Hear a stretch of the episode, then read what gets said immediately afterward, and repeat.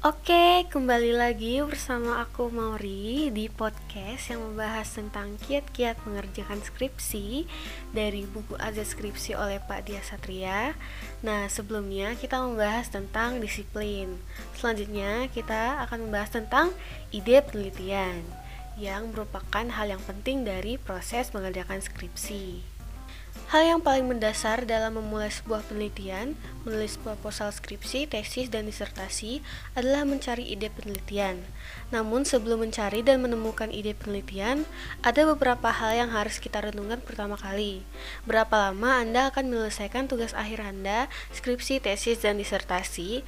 Artinya, selain kita harus menemukan sebuah ide penelitian dengan scope of research yang pas, kita juga harus memilih penelitian yang pas dengan rencana penyelesaian studi kita.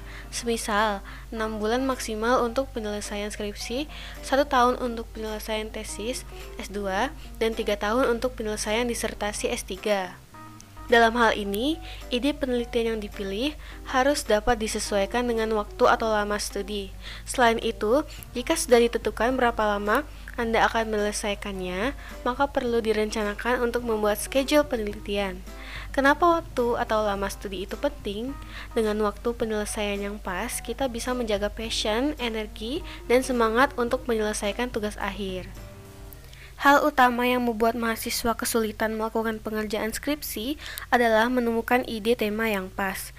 Pas dalam konteks ini menyangkut kriteria, tema yang diusung memiliki level kesulitan yang dapat diterima, sumber bacaan cukup tersedia, model dari penelitian terdahulu sudah well established, dan data yang dibutuhkan tidak sulit. Memang tidaklah mudah untuk menemukan ide tema yang tepat untuk kriteria di atas. Dan sebenarnya, jika Anda sudah menemukan ide tema dengan kriteria yang pas, Anda sebenarnya sudah melakukan pengerjaan skripsi 50%. Ingat, bahwa pencarian ide tidak seperti penerimaan wangsit yang biasa dilakukan dengan menyendiri, merenung di tempat yang jauh, seperti gunung, gua, dan lain-lain. Merenung dalam kesendirian tidak akan dapat membuatkan hasil, apalagi jika sebelumnya kita tidak pernah memberi nutrisi yang cukup terhadap isi yang ada di dalam kepala kita. Nutrisi yang dimaksud adalah bacaan-bacaan yang relevan dengan akademis. Oleh karena itu, hal utama yang terbaik untuk dapat melakukan pencarian ide adalah dengan menggabungkan fenomena-fenomena atau fakta-fakta ekonomi saat ini dengan landasan teoritis yang pernah Anda pelajari semasa kuliah. Dalam proses penyelesaian skripsi atau tugas akhir, pencarian ide tidak bisa hanya dilakukan dengan merenung atau menyendiri, namun harus dilakukan pencarian jurnal di perpustakaan, membacanya, serta mensintesiskannya. Dalam memilih ide penelitian, saya memiliki preferensi dan strategi, antara lain A. Memilih tema penelitian yang dikuasai B. Mencari ide penelitian yang memiliki backup teori atau penelitian terdahulu yang cukup C. Mencari ide penelitian yang memiliki model penelitian yang telah diaplikasikan sebelumnya. Nah, tugas kita mencari kebaruan atau novelty dan research gap dalam penelitian ini. Dan D. Data tersedia atau minimal memiliki implikasi biaya koleksi data yang sesuai dengan budget Anda.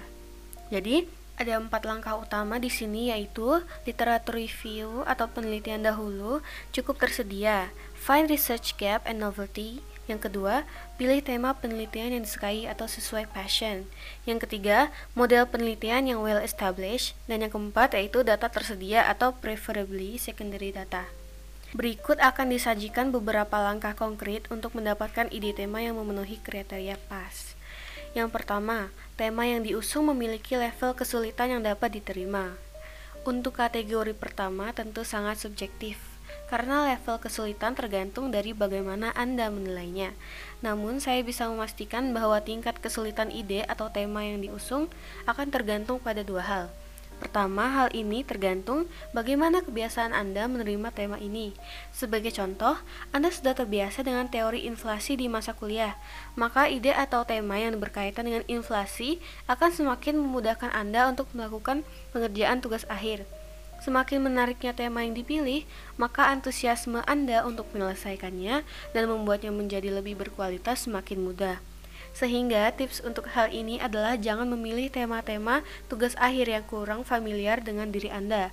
Kedua, tingkat kesulitan tugas akhir akan tergantung dari tiga poin terakhir di bawah ini.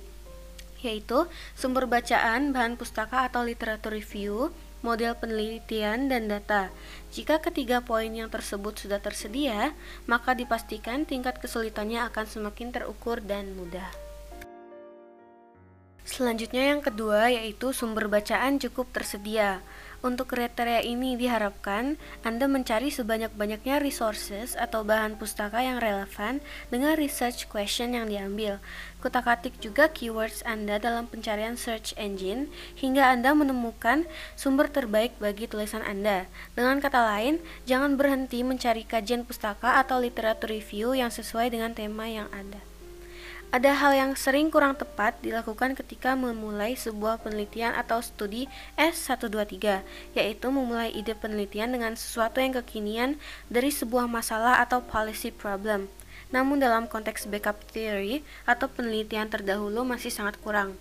Bagi penelitian yang menggunakan pendekatan kuantitatif, maka lack of previous research akan menjadi masalah yang serius dalam penyelesaian tugas akhir penulisan akademik sebenarnya merupakan jembatan untuk melanjutkan bagian-bagian penelitian terdahulu yang belum di-cover sebelumnya, atau semisal menguji model penelitian dengan sudut pandang yang berbeda atau konteks lingkungan yang berbeda, sehingga dalam penelitian yang dilakukan ada sebuah kebaruan penggunaan research instrument, metode analisis, serta variabel-variabel penting lain yang ingin diujikan.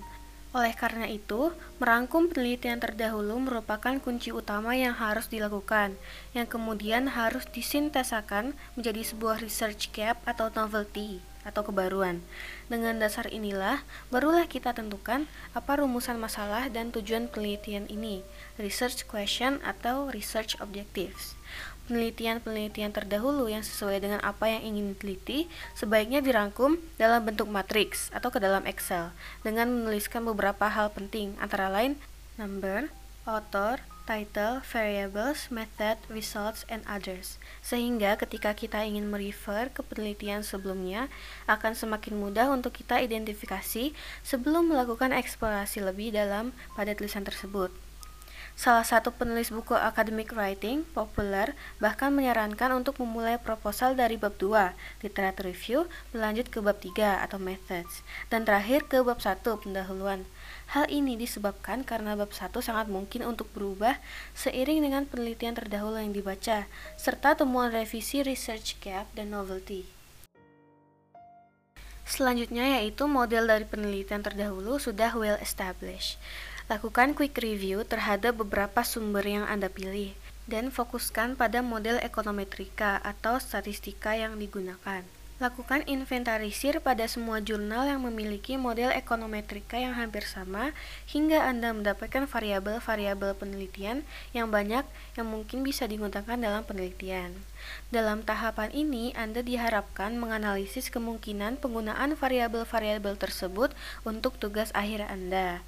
Selanjutnya, dalam tahapan ini, Anda juga harus menentukan tingkat kesulitan model. Salah satu hal yang dapat dilakukan untuk memudahkan kerangka konsep penelitian adalah dengan menggambar hubungan antar variabel dan menuliskan nama peneliti terdahulu, misalkan Satria 2015, yang pernah meneliti hubungan variabel tersebut. Hal ini dilakukan untuk memudahkan identifikasi dari penelitian mana hubungan variabel tersebut dibangun. Selanjutnya yaitu data yang dibutuhkan tidak sulit. Jika Anda sudah menemukan variabel-variabel yang mungkin dimasukkan ke dalam model, tahapan selanjutnya adalah Anda melakukan pencarian data di beberapa sumber penting.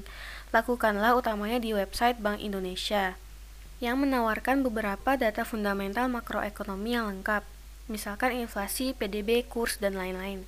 Jika data yang dibutuhkan terlalu spesifik, misal data neraca keuangan bank, maka Anda harus mengantisipasinya sedini mungkin. Coba Anda melakukan pencarian data di internet atau website bank yang bersangkutan. Hal yang penting adalah jangan menghabiskan waktu Anda hanya untuk mencari data. Jika memang data yang dicari sangatlah sulit dan memakan biaya mahal, sebaiknya Anda merevisi ide atau tema yang dipilih. Data memiliki peran yang sangat penting untuk mendukung kelancaran tugas akhir Anda. Untuk menemukan ide penelitian dan rujukan yang up to date mengenai tema-tema keuangan perbankan, ada baiknya jika Anda membaca beberapa jurnal-jurnal yang ada di website Bank Indonesia atau publikasi ekonomi BEMP. Selain itu, Anda juga dapat membaca beberapa jurnal ekonomi, keuangan perbankan, dan makroekonomi yang diterbitkan oleh universitas-universitas terkemuka Indonesia, seperti UI, Universitas Brawijaya, Universitas Erlangga, dan Institut Pertanian Bogor. Hal ini dilakukan untuk melihat perkembangan tema-tema baru, model penelitian, dan gaya penulisan yang relevan dengan tema tersebut. Nah, langkah terakhir yaitu rumus 231. Langsung pada tahapan apa yang harus dilakukan, tahap 1 adalah membaca jurnal atau paper dan penelitian yang inline dengan apa yang dilakukan. Kemudian membuat ringkasan dan catatan kecil. Selanjutnya dibuat matriks dalam Excel. Dalam tahapan ini, setelah direview research question dari penelitian terdahulu, selanjutnya temukan research gap dan novelty yang akan dilakukan dalam penelitian ini. Tahap 2 yaitu menulis bab 2 dan bab 3. Tahap 3 yaitu menulis pendahuluan atau bab 1. Terakhir, pikir dan renungkan tiga hal penting sebelum memulai penelitian atau skripsi dan menuliskan rumusan masalah. Research focus, research gap, dan research implication. Nah, apakah itu? Research focus yaitu apa fokus penelitian yang ingin diangkat. Research gap yaitu apa perbedaan skripsi yang Anda lakukan dengan penelitian atau skripsi sebelumnya. Dan research implication, apa kontribusi penelitian atau skripsi Anda dan apa take home message yang ingin diangkat dalam penelitian atau skripsi Anda.